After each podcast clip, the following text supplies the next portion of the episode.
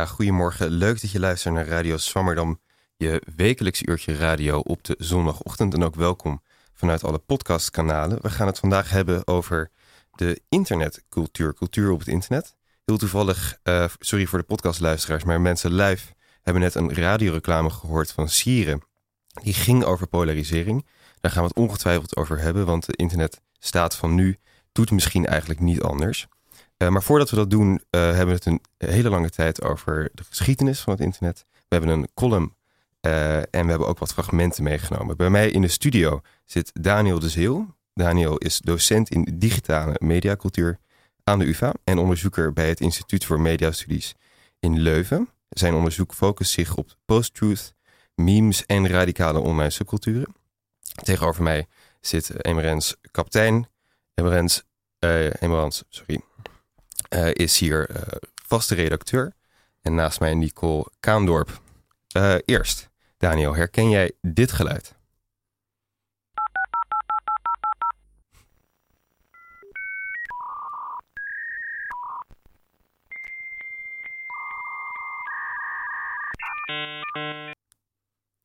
Ja, maar kan ik het ook verstaan? Nee. ja, nee, ik ken het inderdaad wel. Ja, ik, voel me gelijk al een soort opa. Maar inderdaad heb ik nog meegemaakt dat je uh, online ging. Dat je eerst deze machine aan moest slingelen. Wat, wat is het? Wat is het voor geluid? Ja, dat is een, een ISDN-modem of een 56K-modem, hoe ze het ook noemden. En dan hoor je inderdaad gewoon nog twee ja, telefooncentrales eigenlijk met elkaar praten. Om even een verbinding te testen. En dat was hoe we het, het internet opgingen in de, ja. in de vroeger. In de vroeger, ja. Ja, maar ze nog moest wachten op uh, plaatjes om te downloaden. Ja, ja, ja. precies, precies. In, uh, net misschien een mp3'tje nog uh, kon, eraf kon slepen. Daniel, jij bent mediaonderzoeker. jij focust je vooral op subculturen en post-truth, dus op het internet. Ja. Um, hoe doe jij dat? Ga je dan gewoon heel veel online en, en kijk je wat daar gebeurt? Uh, ja, dat zou nog gewoon een dagtaak zijn. uh, dus het is inderdaad, ja, het is zo moeilijk om over het internet überhaupt te spreken. Zeker nu. Ik bedoel, misschien in de jaren negentig kon je nog wel, nog wel over het internet hebben. Mm -hmm. Maar uh, ja, nu is het zo divers, zo groot, zoveel verschillende platforms, apps. Het is eigenlijk ook nog maar de vraag of, je, of het überhaupt nog zin, zin heeft om het over het internet te hebben. In de zin waarin het in de jaren negentig het, het wereldwijde web uh, was, wat een soort publiek uh, domein was. Terwijl als je nu kijkt naar de Facebooks en Instagrams, dan is het allemaal, ja, het, uh, is het niet meer publiek beschikbaar. Het is allemaal, zeg maar, algoritmisch afge, afgeschermd. Dus in die zin zijn er heel veel verschillende internetten. Um, maar dat was vroeger anders. Wanneer begon dat? Ja, dus nou ja, inderdaad, in mid jaren negentig, zeg maar, werd, werd het internet voor het eerst beschikbaar voor consumenten. In Amerika iets eerder dan in Nederland. Uh, maar goed, in de jaren 70, 80 had je al uh, een soort militaire, academische varianten van het internet. Uh, vrij lokaal nog.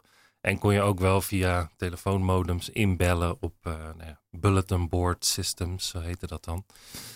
kon je heel ja, primitief, zeg maar, kon je gesprekken met elkaar voeren. maar goed, ja, in, in die tijd had je ook verschillende ja, meme, meme site zou je het nu noemen. Echt waar? Uh, ja, ja, ja, dus daar, daar keek ik dan wel op. Dat was dan wel, uh, wel spannend, zeg maar. Toen je, je zei net dat je voor het eerst op internet zat toen je, toen je 12 was. Ja, een jaartje of 12, denk ik. Ja, ja, en ik herinner me ook nog het eerste plaatje, bewegende plaatje wat ik zag. Het was een uh, heel pixelated plaatje van een, een haas of een konijn die onder een die, die, die een Formule 1 uh, circuit overstak en werd geschept door een Formule 1 wagen. Nou, dat was dus al een vrij traumatisch begin van, van mijn journey online. Ja, met, met veel trauma's nog, uh, nog daarna op te lopen. Ja, zeker. Ja, zeker.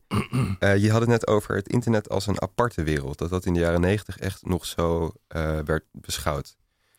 Ja, ja, precies. Ja. Dus nou ja, toen noemden ze het, hadden ze natuurlijk verschillende metaforen die ze gebruikten. Omdat ja, het was een heel nieuw ding. En je Mhm. weet niet wat je ermee moet. Je weet niet hoe je het moet noemen. Dus de digitale snelweg of digitale stad, weet je wel. Uh, maar het is vooral cyberspace, dat idee wat eigenlijk door uh, William Gibson en anderen in de jaren tachtig, die, die beroemde sci-fi, dystopische sci-fi uh, novel Neuromancer, waarin dat idee van cyberspace als een virtual reality te berden wordt gebracht. En dat was eigenlijk ook wel hoe men naar het internet keek. Dus inderdaad, dat geluid wat je net liet horen, dat was een soort, ja, een soort rituele passage mhm. van, van het echte leven, van, van lichamen en vervelende ouders en zo, naar een online wereld waarin je met over vreemden over de hele wereld, mensen die dezelfde bizarre interesses hadden als jij, kon communiceren. Ik word er bijna nostalgisch van. Uh, ja, en, dat is ook wel een beetje een gevaar hoor. Dat, je, dat, dat wil ik alvast soort van zeggen. Van de, de neiging is heel erg om het ook weer te romantiseren. Uh, en omdat je het misschien ook associeert met je een eigen jeugdtijd of zo. Dus dat is ook wel. Uh, dus in die zin, daar valt ook wel een hele hoop over te zeggen. Wat, wat er ook al mis was met het internet toen de tijd. Dat het niet een soort verhaal was van een, een, een immaculate oorsprong die dan vervolgens uh, bevuild werd of zo. Dat, nee, nee, nee, precies. Het was toen ook al best wel een rotzootje. Uh, ja, ja, ja, ja, precies. precies. Emrans, weet jij jouw eerste plaatje of filmpje of zoiets op het internet nog? Ja, mijn eerste filmpje op het internet was Volg de Witte Auto. maar ik heb het idee dat ik vrij laat, want ik ben, ik ben bijna jarig en dan word ik 23 dat ik vrij laat op het internet ben beland. Ik heb ook tot uh, hele late leeftijd met Barbies gespeeld en buiten en zo. Dus ik kwam gewoon. Ja, en wij hadden thuis ook geen vaste computer. We hadden een laptop van werk. Dus de enige momenten dat ik met het internet werd geconfronteerd was op de basisschool. Daar hadden we van die dikke computers. En dan lieten mijn klasgenoten soms een filmpje zien. En dat was volgende witte auto. Dan, het is een soort jumpscare is dat toch? Ja. Ja, hier word ik gek genoeg word ik hier ook uh, nostalgisch van. Dus eigenlijk word ik, ben ik misschien gewoon nostalgisch ingesteld. Kom wel goed uit trouwens, uh, want luisteraar, ik ben groot fan van, uh, nou wat ik dan toch maar het internet moet gaan noemen. Ehm, Daniel is dat volgens mij ook wel. en dus klopt het, komt het wel goed uit, Emerans, dat jij eigenlijk gewoon een normale jeugd hebt gehad. Dus jij kan af en toe op de rem, rem trappen en vragen, waar hebben jullie het eigenlijk over? Nou, dat komt goed uit. Daniel, terug naar jou. Uh, je zei dat het internet vroeger ook wel een beetje een zooitje was. Hoe, hoe zag dat eruit? Um, hoe gingen wij het internet op? Um, fora, spelletjes? Ja, dus daar in, in, ja, in mijn eigen onderzoek heb ik gefocust op, uh, op 4chan. Dus dat is een, een anoniem uh, forum. Je hoeft daar geen account aan te maken. Uh, alles wat je post, ja, je heet eigenlijk vanzelf. Iedereen heet daar Anonymous. Um, dus, uh, en het is eigenlijk één grote lange stroom aan, aan berichten, aan, aan rotzooi, shitposting, trolling, memes, alles wat je kan bedenken. Uh, en er wordt ook helemaal niks bewaard. Dus er is ook geen, uh, geen archief van post. Um, dus hoe het werkt is eigenlijk, nou je post iets, dan gaat het, wordt het naar boven ge, gebumpt, zeg maar. Mm -hmm. maar als er niemand meer reageert op een bepaalde thread, dan, wordt die ook gewoon, dan verdwijnt die. Dat creëert, een soort heel dynamisch uh, milieu waarin, nou ja, volgens die gebruikers zelf dan ook de, de beste memes en de beste ideeën komen bovendrijven. Een soort, bijna Darwinistisch idee van, van culturele productie. Uh, maar wat ik daar interessant aan vond is ja, oorspronkelijk hoe, hoe het verschilt van de sociale media, van het, het internet, hoe we het nu kennen. Dus dat 4 dat, dat bestaat al heel, of dat misschien, misschien een soort model van hoe het internet er vroeger uitzag. Dus veel, ja. veel forumgerichte ja. uh, plaatjesuitwisseling, cultuur of zoiets. En, en daar krijg je natuurlijk een hele andere soort uh, cultuur van misschien dan wat je nu ziet. Ja, absoluut. Uh, dus inderdaad de gemeenschappen ook al in. Vroeger had je dan de Usenet ehm, communities. En die waren allemaal interest-based, zeg maar. Dus je ging online, je, ja, je bent geïnteresseerd in weet ik veel wat. sci-fi bijvoorbeeld. En dan uh, join je een community uh, die, uh, die daarin geïnteresseerd is.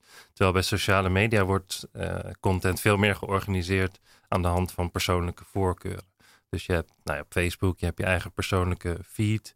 En die past zich ook steeds aan aan jou, wat jij in het verleden hebt aangeklikt, wie je, wie je vrienden zijn, wie je followers zijn. En dat, dat had je allemaal natuurlijk nog niet. Precies. En um, vroeger, we hebben nog steeds over de jaren negentig. Um, hoe, hoe, hoe gingen mensen online? Dus je hebt, een, je hebt een forum, maar ik heb ook het idee dat er veel uh, spelletjes, dat dat ook een grote manier was om online te gaan. Ik herinner me nog uh, World of Warcraft, dat ik zelf ook wel gespeeld heb. Mm. En waarom jij, jij Ja. glimlacht? Mijn broer heeft heel erg veel gegamed. Oh ja? Dus bijna alle games die jullie waarschijnlijk gaan noemen, ken ik van mijn broer. En dit herken ik ook. Terwijl jij, terwijl jij wholesome aan het buitenspelen was. Ja. Nou ja, we hebben het nu over de metaverse en zo. Dat is een soort nieuwe versie van eh, virtual reality. En daar hadden ze het in de jaren negentig ook al over. Maar er was gewoon de, de technologie was er nog niet. Hm. Maar de verbeelding was er al wel. Eh, maar wat ik zelf wel interessant vond, is die vroege werken over internetcultuur. Eh, bijvoorbeeld Julian Dibble, een Amerikaanse schrijver, die heeft geschreven over A Rape in Cyberspace. Een heel bekend controversieel essay met de vraag over kan een, een ene avatar eigenlijk een andere avatar harassen, zeg maar. En Mhm. wat is de juridische status van een virtueel lichaam? Eh, maar het virtuele lichaam was niet eens visueel, dat is purely text-based. Dus hoe mensen met elkaar communiceren, hoe ze, eh, hoe ze spelletjes speelden, eh, dus live-action roleplaying, was allemaal door middel van tekst. Dus heel bazaal, maar toch creëerde hele rijke werelden. Live action roleplaying met tekst. Ja. Op een, op een forum dus bijvoorbeeld. Ja, dus je neemt een karakter, eh, je, je kiest een karakter en je schrijft hem echt, eh, je, je schrijft hem echt in, in existence, zeg maar. Wauw. Ja. Eh, en, en bestonden er totaal geen sociale media? Of, of hoe oud is Hypes eigenlijk, weten we dat? 2000? Ja, het zal de vroege 2000 zijn inderdaad, of later 2000, weet ik eigenlijk niet eens precies. En wat was het ideaal hierachter? Waarom, waarom werd dit gemaakt? Werd het verkocht aan mensen? Waarom hadden mensen eigenlijk het internet in huis? Oeh, ja, dat is een lastige vraag. Denk ik. ik zag laatst weer zo'n filmpje van waarom eh, in de jaren negentig dat ze mensen gingen interviewen of ze een mobiele telefoon zouden gebruiken. Hè, dat is een heel bekend filmpje en dan zeggen ze allemaal nee, ik heb dat niet nodig. En daar, daar zit wel iets heel frappants aan van het, die nieuwe technologische ontwikkelingen die beantwoorden eigenlijk helemaal niet aan een voorbestaande eh, verlangen of behoefte. Maar het creëert die behoefte zelf. Eh, En dat is met mobiele telefoon zo. Dat is met het internet denk ik eh, net zo. Maar goed, als je dan eenmaal erin bent, nou dan kijk je, oké, wat kan ik hier, wat, wat kan ik hiermee? Ja, precies. Eh, dat filmpje is trouwens heel leuk. Dan mensen zeggen echt van, nou zit je op de fiets, word je gebeld. Terwijl we moeten nu boetes uitschrijven voor mensen die, die aan het appen zijn. Nou, wie had dat gedacht? Toch een antwoordapparaat. Ja, we hebben toch een antwoordapparaat, ja precies. Ehm, dus ik heb ik had een paar vragen. Hoe gebruikten we het internet? Dat weten we nu. Bestonden er al memes? Die wil ik wel weten. Hmm, Misschien kun je, Ehm. misschien kun je eerst uitleggen wat een, wat een meme is. We gebruiken dat woord heel veel. ja, Maar ja. volgens mij gebruik ik het ook wel verkeerd. En heeft het een hele diepe betekenis waar ik niks van weet. Misschien kun jij er iets meer over zeggen. Nou, het is inderdaad wel een lastige, want ehm, ja, een meme is eigenlijk een, een, niet zozeer één enkel plaatje, maar meer een bepaald template. Een soort eh, eh, vorm die eindeloos hergebruikt kan worden en een opnieuw betekenis gegeven kan worden. Dus als je bijvoorbeeld denkt aan een bepaald eh, gezichtsreactie. Nou een typische meme heeft dan een soort eh, een, tekst boven en een tekst onder gebruik meestal dat eh, impact font, dus dat hele agressieve, dikke font. En nou ja, mensen die gebruiken dat in allerlei verschillende contexten om een soort uitdrukking te geven aan, aan iets. Dus memes circuleren, zijn makkelijk reproduceerbaar eh, en eh, ja, worden creatief gebruikt. Terwijl bijvoorbeeld als je denkt over viral video's bijvoorbeeld, die worden in principe niet veranderd. Die worden wel heel snel gedeeld en die verspreiden zich heel snel over het internet, maar het is altijd gewoon dezelfde video. Dus wat, wat een meme memetisch maakt, is juist dat moment van creatieve toe-eigening. Memetisch. Ja, memetisch, dus meme is nou ja, oorspronkelijk door Richard Dawkins dan ehm, een soort van eh, ja, de wereld ingebracht als idee van nou, ideeën, culturele eenheden die functioneren eigenlijk net als, eh, als genen. Dus die muteren en die verspreiden zich en alleen de beste die overleven uiteindelijk. Ehm, dat was in de jaren negentig ook een tijdje een soort hype van memetics. Dus dat je alle cultuur en intellectuele geschiedenis kon je reduceren tot eh, genetische, biologische, evolutionaire principes. Nou, dat was natuurlijk wat al te gek, dus dat is een klein beetje in onbruik geraakt als soort pseudo-wetenschappelijk. Eh, maar goed, er is nog steeds wel veel aandacht voor. Ja, je kunt kijken naar representatie, naar wat betekent een meme, maar je kunt ook kijken naar hoe circuleert het en, en wat is het belang van hoe die culturele eenheden circuleren. Dat is ook wel waar een deel van mijn onderzoek zich op gefocust heeft. Daar komen we later nog over te praten. Zeker. Ehm, dus ik, ik krijg een beeld van een anoniemer soort internet in de jaren negentig. Dat veel meer bezig was. eh, waar, waar mensen veel meer bezig waren met echt hun interesses. Misschien delen met andere mensen. Ehm, on the internet, nobody knows you're a dog. Cartoon Ja. uit de New Yorker door eh, Peter Steiner in 1993. Is dat een, een goede tijdsindicatie? Ja, dus ik kom daar vaak op terug als een soort eikpunt. Eh, want anonimiteit was precies eh, de soort van feature die, die, die, die, die ervoor zorgde dat je je, je in, re- in real life identity, dus je, je, je echte identiteit achter kon laten. En online kon experimenteren met nieuwe vormen van identiteit. Zowel individueel als collectief. Misschien zo kan ik ook terugkomen op je vraag van waarom wilden mensen het internet op. Daar denk ik wel dat het correspondeerde aan een bepaalde behoefte om te spelen met jezelf in de postmoderne zin. Eh, eh, en, en ja, kijken van oké, hoe kunnen we die nieuwe mondiale communicatienetwerken, eh, hoe kunnen we daar gebruik van maken? Hoe kunnen we dat, daarmee experimenteren met nieuwe vormen van spel, eh, nieuwe vormen van identiteit in allerlei manieren. Duidelijk. Ehm, dan als we heel ver fast forwarden, dan zitten we in wat we, wat we nu herkennen als het internet. Poreus. Het, zit, het is overal. Eh, je kan er eigenlijk niet onderuit. En je- zoals je al eerder zei, misschien kunnen we niet meer hebben over het internet. Ehm, ja, zou jij misschien voor ons kunnen schetsen hoe dat van, van nou, toch anonieme internetfora, ehm, misschien via eh, een, een, een, een habbehotel, Hmm. eh, we hebben dit gesprek voorbereid, dames en heren. Eh, en naar, naar, gegaan is naar hoe het nu is.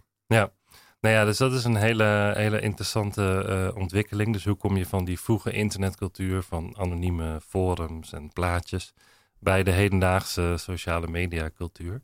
Eh, en ja, ik denk dat in de loop van de jaren 2000, dus met de, opkomst van Facebook vanaf 2006 met name, eh, vindt er een soort splitsing plaats. Dus inderdaad, waar we het net over hadden in de jaren 90, kon je nog wel spreken van het internet als een soort nou, relatief coherent eh, ding.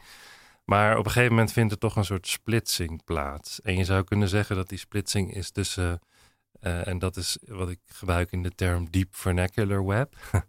Eh, Die dus moet je even uitleggen. ja, dus het verschil tussen enerzijds een soort dark web van echt anonieme eh, netwerken die helemaal niet aangesloten zijn op eh, het publieke internet, waar je ook daadwerkelijk anoniem bent. Dus da- daar gebruik je bijvoorbeeld een eh, Tor-browser om echt technisch anoniem te zijn. Ik kijk even naar eh Ja, ik volg dit nog wel. Oké, Oké. Ja, tenminste als Tor-browser heeft dat ook iets te maken met torrent?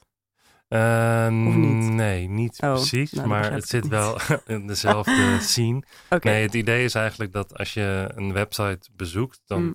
dan zorgt hij ervoor dat ja, eigenlijk het spoor van waar, waarvan jij eh, zoekt, eigenlijk eh, onherkenbaar maakt. Want hij leidt het om via allemaal andere computers. Eh, en dat wordt dus gewoon veel gebruikt door criminelen, maar ook wel activisten, mensen die drugs willen kopen of een false ID's, ID's ehm, crypto market zit er ook wel in. Dus Ja. dat is, dat is één gedeelte. En dan heb je het, het, het deep web is meer inderdaad die, die soort van dat web van online subculturen die nog steeds vasthouden aan anonimiteit en die niet mee zijn gegaan in die hele eh, social media development. Dat is dat 4chan waar het net over had. Ja, dat is het 4chan. En dan heb je inderdaad een soort van de surface of mainstream web, waar je je familie op zit en je collega's Ja, en dergelijke. Dat, dat ontstond met, met Facebook? Nou, zo rond die tijd begonnen de eerste scheuren te ontstaan, de eerste zeg maar afsplitsingen eh, naar verschillende delen van het, eh, van het web. En rond 2010 dan zie je ook dat die sociale media platforms en ook grote bedrijven zoals Google zich echt beginnen te richten tegen anonimiteit online. En dus dat is een interessant moment. Om 2010 zie je eh, eh, Zuckerberg en Eric Schmidt, was toen de CEO van Google, die begonnen echt een campagne om te zeggen, die echt een nieuwe visie van het internet begon te ontrollen. Dus zeiden van, ehm, we moeten naar een internet toe waarin iedereen gewoon identificeerbaar is, waarin iedereen zijn eigen profiel heeft, die is gekoppeld aan zijn echte identiteit. En eh, dit is hoe het internet eruit gaat zien. En dat zijn ze dus vervolgens ook gaan bouwen, dat internet. En daar zitten we nu in, eh, waar dus heel weinig ruimte is voor anonimiteit en waar het echte leven en het offline en het online leven helemaal structureel aan elkaar gekoppeld zijn. en eigenlijk een extensie van elkaar zijn. Terwijl juist dat idee van, wat dan, dat werd dan digitaal dualisme genoemd, dus dat idee dat het internet een ruimte is eh, waar andere regels en normen gelden dan in de echte wereld. Dat idee begon eigenlijk steeds meer te verdwijnen. En dan de vraag is van oké, waar kwam die visie vandaan? Wat zit daarachter? Heb jij daar een antwoord op? ja, ik heb daar wel een antwoord op, denk ik. Nou, um, Nou ja, deels waren dat, denk ik, toch uh, de commerciële imperatieven van die, uh, van die bedrijven. Dus um, kijk, hun businessmodel is feitelijk om, uh, om user data te koppelen of te, te verkopen aan advertisers. Of in ieder geval advertisers toegang te geven tot inzichten in, in user data. Nou, als je naar 4 gaat, ja, ik wens je veel plezier met het verzamelen van user data, maar daar heb je niks aan uh, als advertiser. Dus uh, en dit klinkt misschien een beetje conspiratoire, maar ik denk wel echt dat, uh, dat die nieuwe visie van het internet, waarbij je dus, nou ja, persoonlijke profielen hebt en, en, gekoppeld aan je echte leven, dat dat wel degelijk te maken had met ook een nieuw, een nieuw model van, van geld verdienen op het, op het internet. Uh, waarbij nou ja, big data en de hele soort van vormen van wat Shoshana Zuboff noemt surveillance capitalism of platform capitalism. dat dat echt ook wel de, de drijfveer was achter die nieuwe visie voor het internet.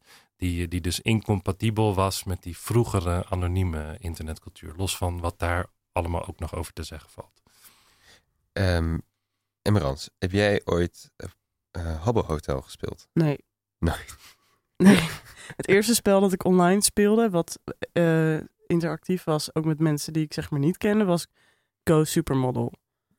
En daar ben ik toen ook weer vrij snel afgegaan, omdat er weer een hele um, heisa was rondom, ja, dat het, ik weet niet, er waren toch wel, er zaten veel jonge meisjes op, maar ook oude mannen. Ik, uh, toen je Go Supermodel zei, toen ging de techniek, ik zie achter jou, zie ik het, het raam van de techniek, daar ging uh, Bart helemaal stuk volgens mij. Ja, ja ik ken ja. het zelf ook niet, maar, maar volgens mij is het heel leuk. Um, en uh, ik heb het, je hebt, je hebt, ergens heb je een soort overgang, moet je dus hebben waar mensen um, een, een, rol van identiteit, dus eerst anoniem en, en gebaseerd op, op eigen interesse of zoiets, naar een soort um, algemeen zichtbare cultuur.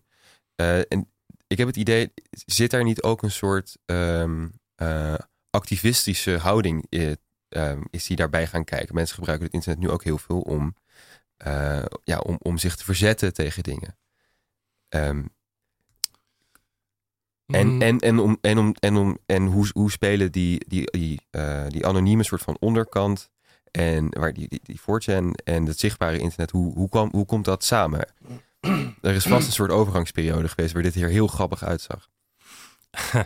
nou ja, wat, hoe ik zelf eigenlijk 4chan leerde kennen, want ik heb het zelf nooit gebruikt of zo als tiener. Um, ik zei net al, we hadden op mijn middelbare school wel een, een uh, forum, dat heette Lokaal 404. Dat is ook hm. heel classy.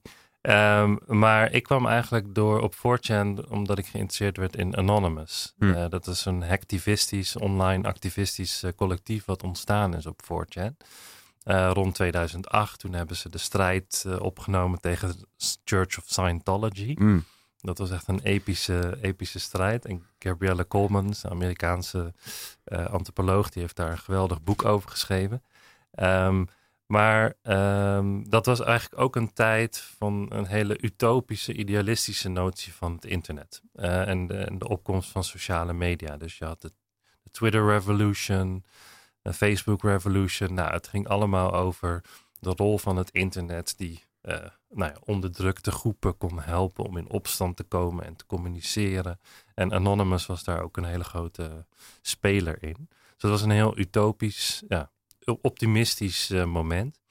Um, en wat we natuurlijk nu vooral met 4chan uh, associëren is meer de alt-right. En ja. inderdaad die polariserende uh, uh, karakteristieken van het internet.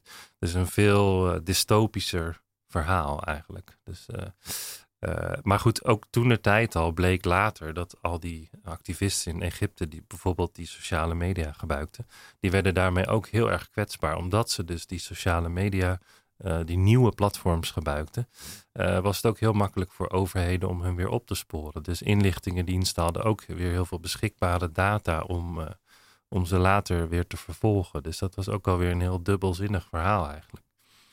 En is, is, is de cultuur, zeg maar, dat, dat, dat grappig zijn op internet via memes, is dat, is dat heel erg anders geworden? Of, of valt het wel mee? Ehm, Ja, nou ja, daar, dat, dat, dat is het dus een beetje met dat romantiseren van het vroege internet. Want het, ja, het leuke is juist dat het natuurlijk allemaal blijft voortbestaan. Dus binnen die sociale media en binnen die eh, persoonlijke feeds zit nog steeds dat, dat, dat spelenderwijs, dat carnavaleske karakter van memes. Dat, dat past zich gewoon aan aan die nieuwe omgevingen. Eh, dus zeker, eh, zeker op platforms als Instagram vind je heel veel interessante meme-subculturen. Terwijl je dat eigenlijk misschien daar niet mee zou associëren per se. Je denkt meer aan eh, selfies van eh, influencers. ja, precies. Eh, en TikTok bijvoorbeeld is ook een heel interessant platform waar je een beetje weer die, die oorspronkelijke spirit van, van meme-cultuur, juist dat memetische karakter van video's, van dansjes die worden nagebootst, worden toegeëigend, dat zie je daar gewoon weer terugkomen. Ik krijg een beeld van, van memes als iets dat soort van los van, van mensen, goed niet helemaal los, maar eh, kan muteren. Een beetje als een, eh, als, een, als een eigen vorm van een organisme. Nou, dat was altijd een beetje de kritiek op dat idee van, van memetics en van memes. Was inderdaad van waar is de rol van de mens, van agency, van creativiteit. Ja. En daar kon het juist geen goede eh, account van geven, zeg maar. Dus, dus tegenwoordig, als je het over memes hebt, dan denk je juist wel die, ehm, die creatieve, bewuste, intentionele dimensie van, van culturele productie, die, die denk je wel mee. Nou, dankjewel eh Daniel voor deze, deze korte introductie in de geschiedenis toch wel van het internet. Ehm, we gaan straks verder met het nieuwste onderzoek van Daniel eh, over QAnon en ook de rol van het woord beest. Eh, maar eerst gaan we luisteren naar de column van Nicole. Yes, hallo. Eh, ik ga jullie in deze column vertellen over mijn internetgeschiedenis. En dan bedoel ik niet mijn zoekgeschiedenis, maar de geschiedenis van mij op het internet. Eh, het internet is er mijn hele leven al. En een van de eerste keren dat ik het bewust meemaak, is het moment waarop mijn vader mij YouTube laat zien. Hij zegt: eh, Kijk, dit is een website waar iedereen filmpjes op kan zetten. Iedereen op de hele wereld. En hij laat mij er een paar zien. Het zijn gewoon mensen die gewone dingen doen. Misschien zie ik zelfs wel die jongen in de dierentuin, weet je wel, dat welbekende allereerste YouTube-filmpje ooit. Waarop ik natuurlijk zelf ook heel graag een filmpje van ons online wilde zetten, van onze kat of tuin of zo. Maar dat was toch wel ingewikkeld, zei mijn vader, doe maar niet. Iets later, toen ik een jaar of acht, negen was, liet mijn klasgenootje Claudia mij haar huispagina zien op de computer bij haar thuis. Het was een vaste computer, zo'n soort blobvormige Mac in het doorzichtig wit en roze, vierkant met van die afgeronde hoeken. Haar huispagina had een felrood lettertype en een paarse glitterachtergrond. Er stonden bewegende plaatjes op en het zou zomaar kunnen dat die glitters in de achtergrond ook bewogen. Het zou zelfs zomaar kun- kunnen dat er vanzelf een muziekje begon te spelen zodra je haar huis- huispagina opende, maar dat weet ik niet meer zeker. Ik snapte nog niet wat er aan de hand was, maar ik wilde er ook één voor mezelf. Ik wilde meedoen, ik wilde dat een lettertype keuze ook mijn persoonlijkheid weer kon geven. Voor Hives was het internet vooral een naslagwerkachtige plek voor mij. Ik kon mijn startpagina openen en dan op een link klikken. Een link zoals spelen.nl of clipjes.nl. Waarop ik wel zo'n 50 keer de videoclip van Chips heb gekeken. Die van 1001 Nights, Arabian Nights. Die, die clip, die heb ik even teruggezocht op diezelfde site. Want dat staat gewoon allemaal ergens gearchiveerd. Er is zoveel archief, er is zoveel internet. Hoe kan het dat het allemaal bewaard wordt? Hoeveel servers draaien er nu om sites in de lucht te houden waar niemand ooit meer op komt? De krant van gisteren kun je weggooien, maar het internet lijkt er wel voor altijd. Nou goed, er was ook Habbo Hotel, waar we het net al over hadden. Waar je met een poppetje dat je zelf kon aankleden rond kon lopen door kamers die je zelf kon inrichten. En dat dan allemaal met andere mensen die dat ook konden. Maar ik vond Habbo Hotel een beetje intimiderend, want sommige dingen kosten nepgeld en andere echt. En ik wist niet wat wat was. En ik was bang dat mijn ouders boos zouden worden. En soms zeiden mensen dingen tegen me, dingen in afkortingen die ik niet begreep. Toen ik 12 of 13 was, vond ik een forum waarop mensen verhalen schreven. Mijn schrijven is daar ook begonnen. Je kon elkaars teksten lezen en je erop abonneren, daar was een knop voor. En er was een aparte berichtenpagina waarop iedereen met elkaar kon praten, verdeeld over onderwerpen. Wilde je over iets nieuws praten, dan moest je een nieuw onderwerp openen, zoals het concert waar je laatst was geweest. Die schrijfwebsite had maar een stuk of twaalf emoticons. Mijn lievelings was het poppetje met de vork. Op dat forum gebruikten we dat poppetje voor veel meer dan alleen etensachtige dingen, want het keek zo tevreden met zichzelf. Het vorkpoppetje stond voor zelfvertrouwen, trots op of tevredenheid. En er was ook de dansende banaan, die stond voor zelfspot of licht sociaal ongemak. Omdat het er zo weinig waren, die emoticons, betekende elke, elk plaatje een veel groter bestek aan emoties dan op het eerste oog zichtbaar was. Zoals ook uh, in talen, waar er bijvoorbeeld maar één woord is voor alle koude kleuren. Dat woord betekent dan niet alleen maar blauw, maar ook paars of sommige tinten groen, maar vooral een groter gevoel. En die dansende banaan was ook een groter gevoel.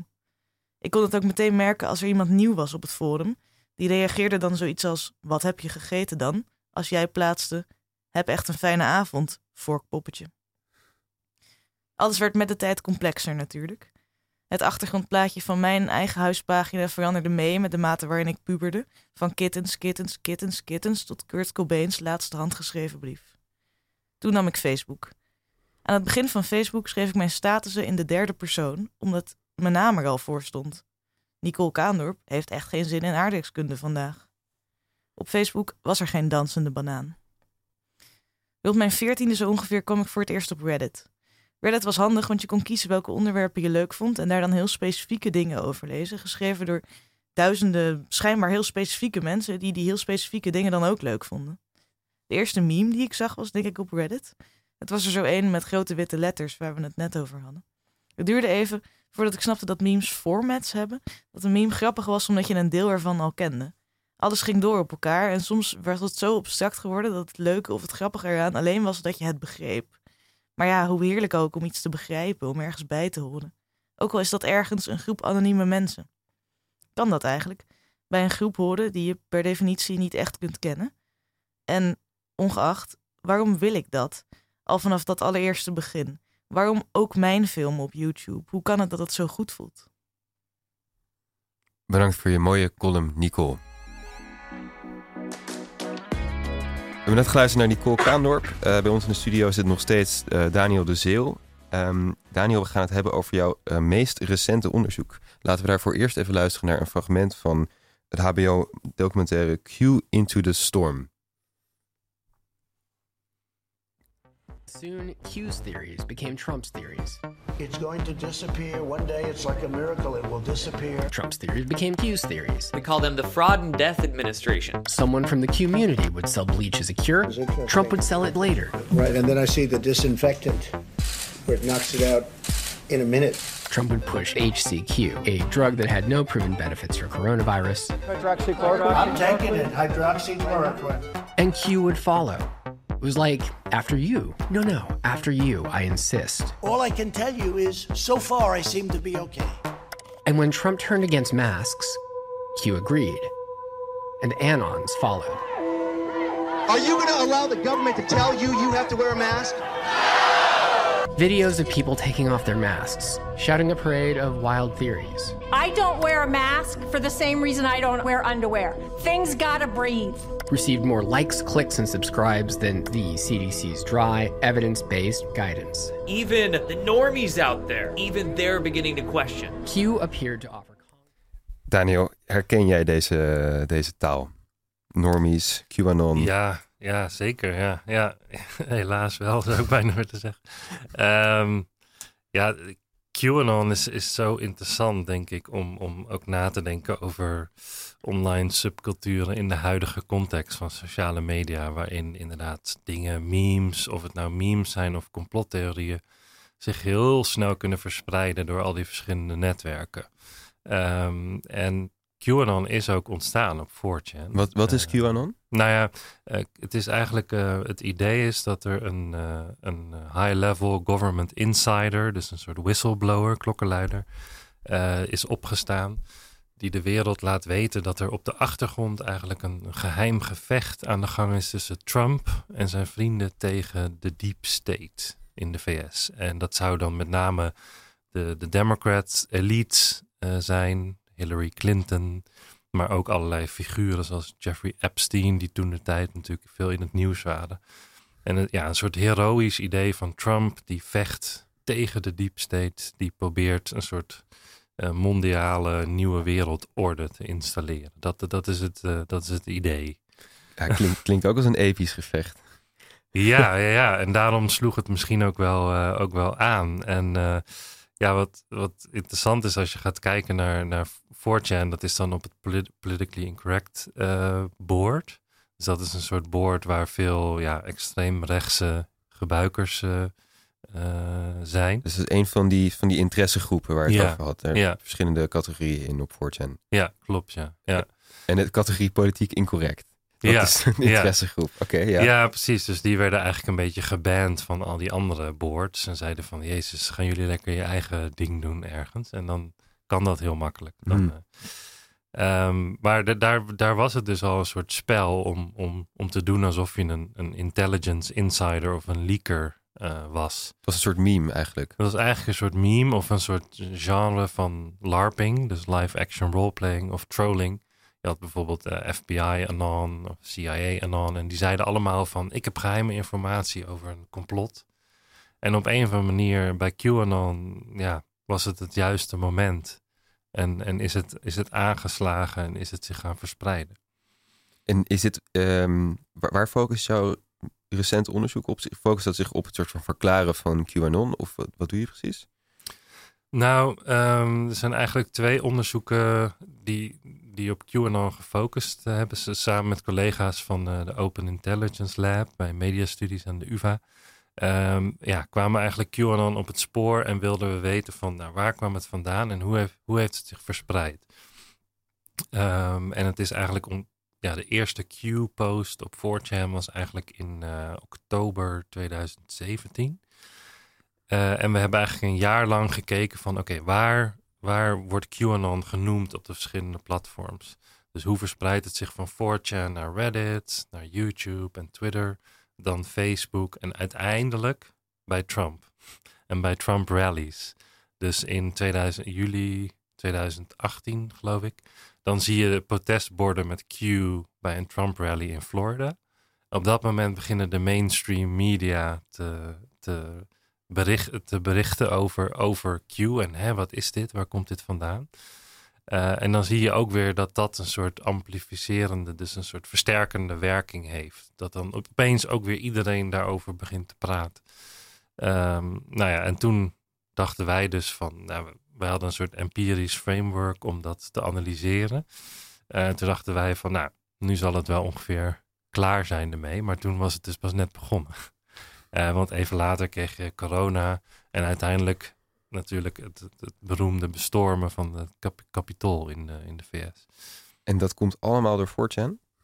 Ja, dat, nou, dat zouden ze je wel willen laten geloven. Nee, dat is natuurlijk niet zo. Uh, maar het is wel interessant hoe bepaalde memes of complottheorieën daar een tijdje kunnen, ja, experimenteel kunnen rondgaan.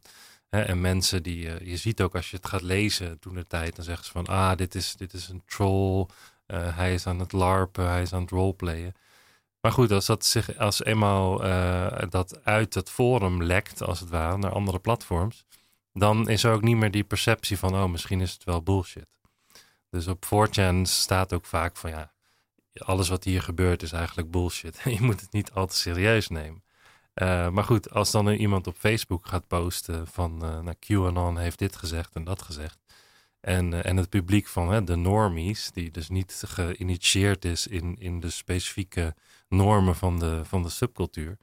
ja, dan kan het uit de hand lopen. Dus ja, en dat is hier, hier gebeurd. En gebeurt dat, dat gebeurt volgens mij ook wel vaker met memes.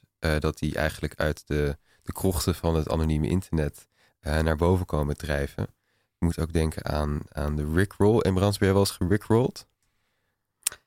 Mm, misschien wel, maar ik denk, ik weet niet wat het is. Misschien okay, onbewust. Okay. Je moet vaker op de rem, trap, rem trappen. ja, ik vind het wel... Nou, nee. Ik vind nee? het wel lekker om te luisteren, ja. Het ja. is een interessante man. Maar wat is een Rickroll dan? Uh, Daniel? We moeten hem nu eigenlijk even draaien. Ja. maar het is uh, dat nummer van Rick Ashley. Ashley die, uh, oh. En dat, dat kreeg je bijvoorbeeld een link toegestuurd ja. van...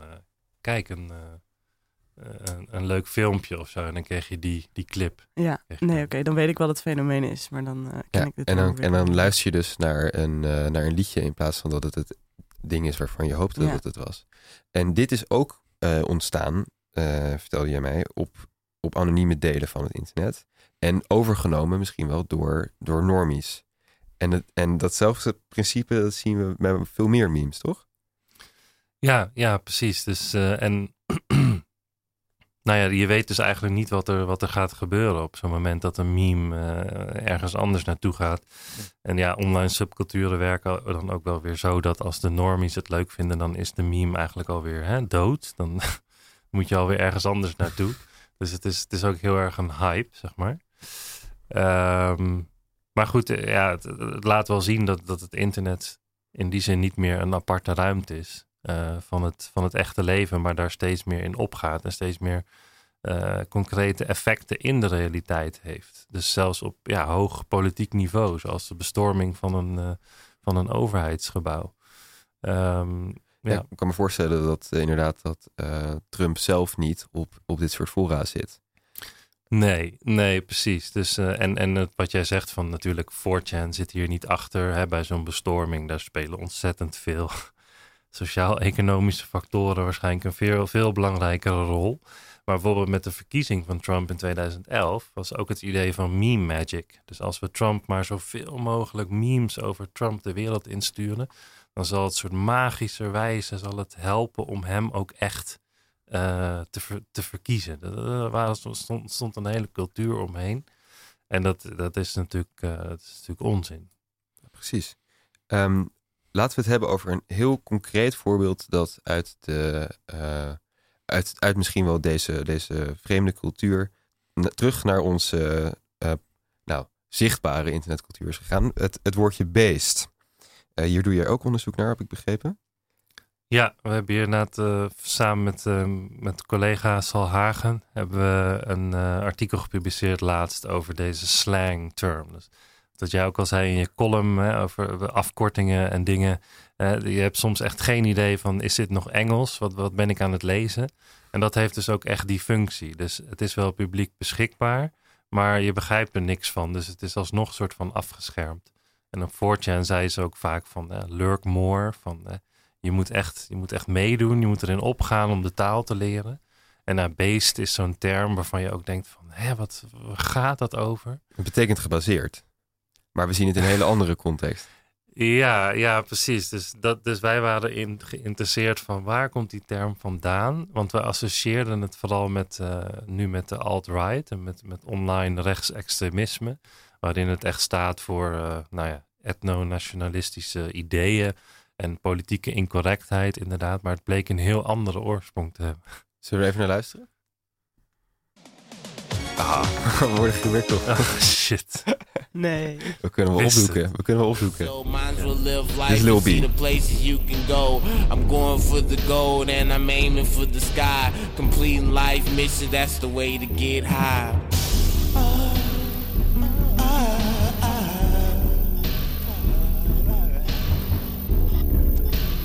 I just wanna be, I just wanna be babe. Dankjewel Bart van de techniek. Eh, dit is een, eh, een rapper uit 2009 uit eh, Berkeley. En die gebruikt het woord beest. Ja. Wat bedoelt hij hiermee in 2009? Weet je dat? Nou ja, we hebben dat dus geprobeerd te achterhalen. Hè? Dus omdat hij erg op Twitter actief was. En nou ja, we hebben zijn, zijn bekende werk zeer streng geanalyseerd. Nee, we kwamen er eigenlijk achter dat, eh, nou ja, beest had wel een, eh, een eerdere betekenis al in, eh, in de drugscultuur. Dus base, based head betekent zoiets als iemand die nou ja, intoxicated is, zeg maar. Die niet helemaal meer erbij is. Maar hij gaf daar eigenlijk een soort optimistische draai aan. En voor hem betekent based een soort van authentiek. Je bent true to yourself. You don't care what other people think. Dat was een soort van de, de basisbetekenis van based toen de tijd. Maar dan zie je dus dat een term eh, ja, kan, zich kan verspreiden en, en op hele andere manieren gebruikt kan worden. En daar waren wij geïnteresseerd in. En, eh, want die is overgenomen dus door het, het, eh, de alt-right. Maar ik kom hem nu ook tegen. ehm, ik kon nog net niet zeggen op, op uh, de meme-pagina in Instagram van, van VVD bijvoorbeeld, Mhm. of GroenLinks. Maar het zit er wel aan te komen, heb ik het idee. Het is echt overgenomen. In, mijn, ehm, eh, onder mijn leeftijdscategorie kom ik dat woord constant tegen. Hm. Is het niet, eh, we horen wel eens dat het gevaarlijk is om alt-right terminologie over te nemen. Dan vallen we namelijk voor die techniek van die meme magic misschien. Of die, die, Ja. die culturele oorlog die, die misschien tussen anoniem en zichtbaar plaatsvindt. Behouden zulke termen hun betekenis, eh, zoals beest. Namelijk eh, etno, eh, staat is, is goed. Of buigt de mainstream ze onschadelijk? Wat denk jij? Ja, nou ja, dat is precies inderdaad de vraag die wij wilden beantwoorden eigenlijk. En eh, omdat in ons eerdere onderzoek naar QAnon, zoals dat zich verspreidde, keken we eigenlijk gewoon puur naar waar komt de term wanneer voor. Weet je Hm. wel? Dus we, maar we keken niet echt naar hoe het gebruikt wordt, werd. Het kon in een artikel zijn dat juist QAnon wilde debunken. Dus we, oftewel, we keken niet naar de contextuele betekenis. En dat wilden we juist wel doen bij, bij Beest, eh, omdat, eh, omdat het dus inderdaad significant verandert, eh, terwijl het zich verspreidt. Gelijk een, gelijk een meme. Ehm, en inderdaad, ja, op een gegeven moment was het dan een term van de alt-right. Dan ging het over being based en red-pilled. Een heel andere context dan waarin Little B het had. Wat, wat is dat, Red Pill? Ja, red pill is eigenlijk, dat komt ook een beetje uit de manosfeer. Dus dat is de soort van de, de incel movement, dus de, mannenbeweging online eigenlijk. Het is ook wel interessant, want het verwijst weer terug naar eh, vroegere internetregels op 4chan. Die, die stellen dat eh, nou, online zijn er eigenlijk geen meisjes. En als het een meisje is, dan is het inderdaad een oude man die zich voordoet als zodanig. Ehm, maar goed, eh, eh, op dit moment, ja, vanuit die alt-right is Based zich ook weer verder gaan verspreiden en kreeg het weer heel andere betekenissen. Maar de, de, de- wat wij wel vonden is dat die soort van basisbetekenis van eh, staying true to yourself, not caring what other people think, dat dat het eigenlijk stabiel bleef. Maar dat, steeds een, dat werd steeds een andere twist aangegeven, zeg maar. Eh, maar goed, omdat het op een gegeven moment zo onduidelijk werd, kwamen er ook heel veel memes. En een, een daarvan staat ook in ons artikel. Waarin je een soort jong iemand en een ouder iemand eh, ziet. En dat is een soort Breaking Bad scene. Mhm. En dan vraagt hij van, en de ene zegt based en de ander zegt ja, based on what? Dus oftewel, geen idee meer wat het betekent, waar het over gaat. Dus die, eh, die term is eigenlijk helemaal losgezongen van zijn eigen betekenis. Dat is door van, van dus die de rapcultuur en drugscultuur. Eh, door de alt-right is dat gedaan. En, en vice versa betekent het nu misschien ook helemaal niet meer etnostaat. Eh, Nee. nee, precies. Nee, nee dus inderdaad het idee, en, en daarmee wilden we eigenlijk een soort ja, eh, kritische noot plaatsen bij het idee dat extremistische termen zich in de mainstream debatten kunnen voegen en daar en, en mensen op die manier soort van in hun ideologische vaarwater konden sleuren. Eh, want dat zou veronderstellen dat een term gewoon dezelfde betekenis behoudt, terwijl die eh, zich verspreidt en door verschillende groepen wordt opgenomen. Eh, en dat is ten dele wel het geval. En er zijn wel degelijk bepaalde, nou ja, dog whistles heet dat dan. Bijvoorbeeld rechts heeft het vaak over, ook bij de FVD gaat over globalisme. Mhm. Nou, dat heeft bepaalde antisemitische connotaties. Maar dat, dat weet niet iedereen. Zeg maar. Als jij die sympathieën hebt en je hoort globalist, dan denk je, oh, Joden. Maar ik denk dat niet, bijvoorbeeld. Ik denk dat Eh, niet. nee, even hypothetisch. Oké, ja, ja. ja. Eh, dus, eh, en op die manier verspreiden termen zich. Maar dat, dat, dat ligt dus heel, dat, dat ligt dus complexer. Het ligt veel complexer. Dat, Ja. dat, dat, die betekenis buigt eigenlijk mee met wat wij er dan van, van zouden willen maken. Ja, maar het, het creëert wel degelijk een, een potentieel ja, ideologisch milieu waarbij iemand denkt, bijvoorbeeld jij denkt van beest, hè, je ziet dat overal om je heen, waar komt dat vandaan?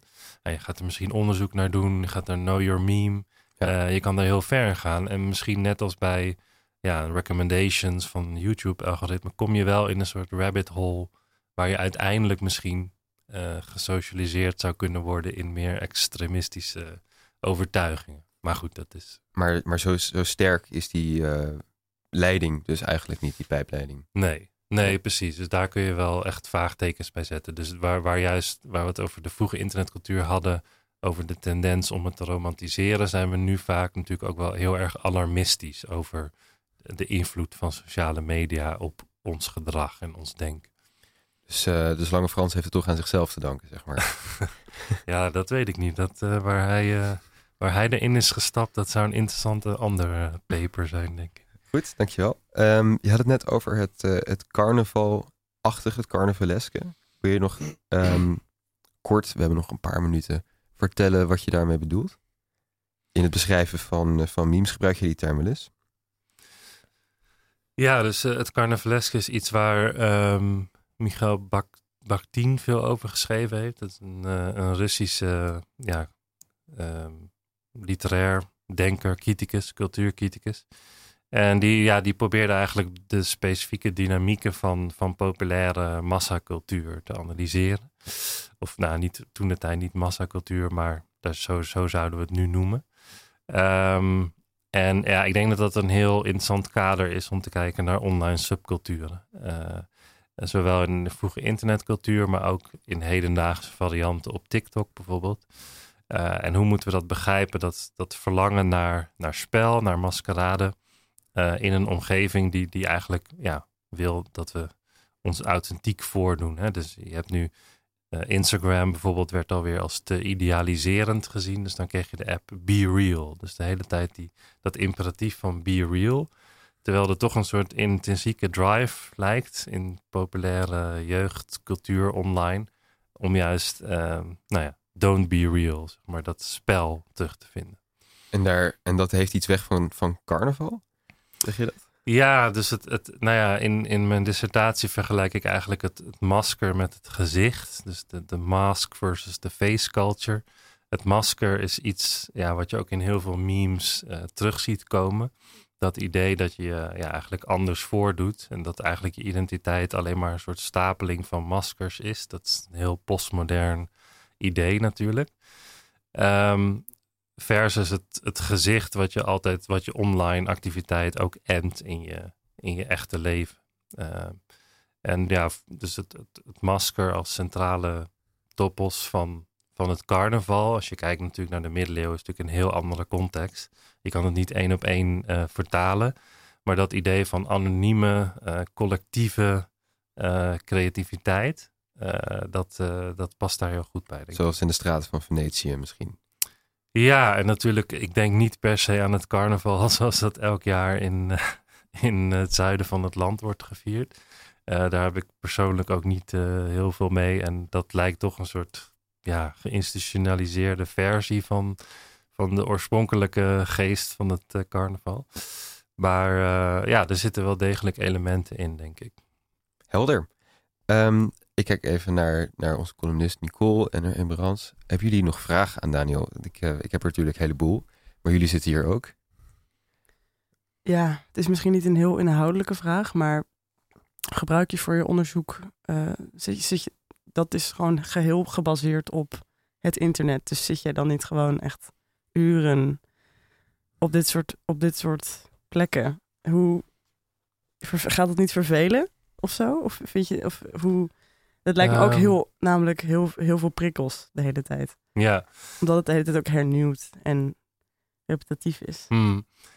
Nou ja, ehm, ik moet zeggen dat er zijn natuurlijk heel veel verschillende benaderingen om internetcultuur te onderzoeken. Je hebt meer ja, etnografische, antropologische benaderingen die echt ja, observeren, eh, met mensen praten. eh. Eh, dat is niet zozeer mijn rol. Ik probeer ook een klein beetje uit te zoomen en, en vanuit een meer mediatheoretische kant te kijken naar wat, wat zijn de culturele praktijken en een soort van de esthetische vormen van, van meme-cultuur en hoe verhouden die zich tot, tot de, de technologie, de digitale omgevingen die, er, eh, die het mogelijk maken. Dus om nou te zeggen dat ik inderdaad eh, vanuit professioneel oogpunt urenlang zit te scrollen. eh, maar ik probeer het wel enigszins bij te houden, inderdaad, de Mm. ontwikkelingen. Eh, maar op een gegeven moment zal ik ook wel, eh, wel afhaken, kan ik me zo voorstellen. Dus je zit niet, niet echt helemaal voor je werk, alleen maar op TikTok en, eh en 4chan. Ja, dat zeg ik dan natuurlijk wel, maar dat... Nicole, nog een vraag? Ja, het is een beetje een complexe misschien, maar ik, ik had het idee dat eh, de alt-right beweging op het internet ook een beetje versterkt werd door juist dat algoritme. Een soort van juist niet het anonieme, maar... Want als ik bijvoorbeeld eh, op, op Instagram of zo tien filmpjes aanklik van mensen die aan het rotsklimmen zijn, dan krijg ik voor de rest van altijd dat soort filmpjes te zien. Ja, nou ja, daar is inderdaad in de afgelopen jaren natuurlijk heel veel onderzoek naar gedaan. Omdat ook, hè, dat is een soort intuïtie van je voelt van dat, dat heeft een invloed. Maar kun je dat ook empirisch uh, waarnemen. Er zijn heel veel mensen die dat uh, geprobeerd hebben te doen. En het is toch een beetje gemixt uiteindelijk. Dus aan, de ene aan de ene kant is er veel alarmisme. Uh, over hè, al die rabbit holes en die recommendation algorithms. Die zuigen ons in. Die hebben een radicaliserende werking als je dat gaat bekijken, is dat toch vaak weer complexer. En, en zijn er bepaalde condities en, en zaken waar je rekening mee moet houden, dat het toch minder sterk is dan je zou denken. Maar het is wel degelijk natuurlijk een, een, een effect van sociale media, uh, dat, waar, waar, waar ze nu heel erg mee bezig zijn. Dus, uh. Helder, helder. Dankjewel, Daniel de Zeel, onderzoeker aan de UvA en Universiteit van Leuven. Nicole Kaandorp, bedankt voor je column. Emerans, bedankt voor je eeuwige steun. En nee, leuk dat jullie er waren. Luisteraars, ik hoop dat jullie het gezellig vonden. Leuk, leerzaam, al die mooie woorden. we zijn er volgende week zondag weer live hier bij Radio Salto. En kijk ook vooral even op onze website en de podcastkanalen. want er staat ontzettend veel interessante dingen tussen. mijn naam is Stabe Bakker, is Stabe Bakker. Dit was mijn eerste aflevering. Ik hoop dat jullie het leuk vonden. Tot de volgende keer.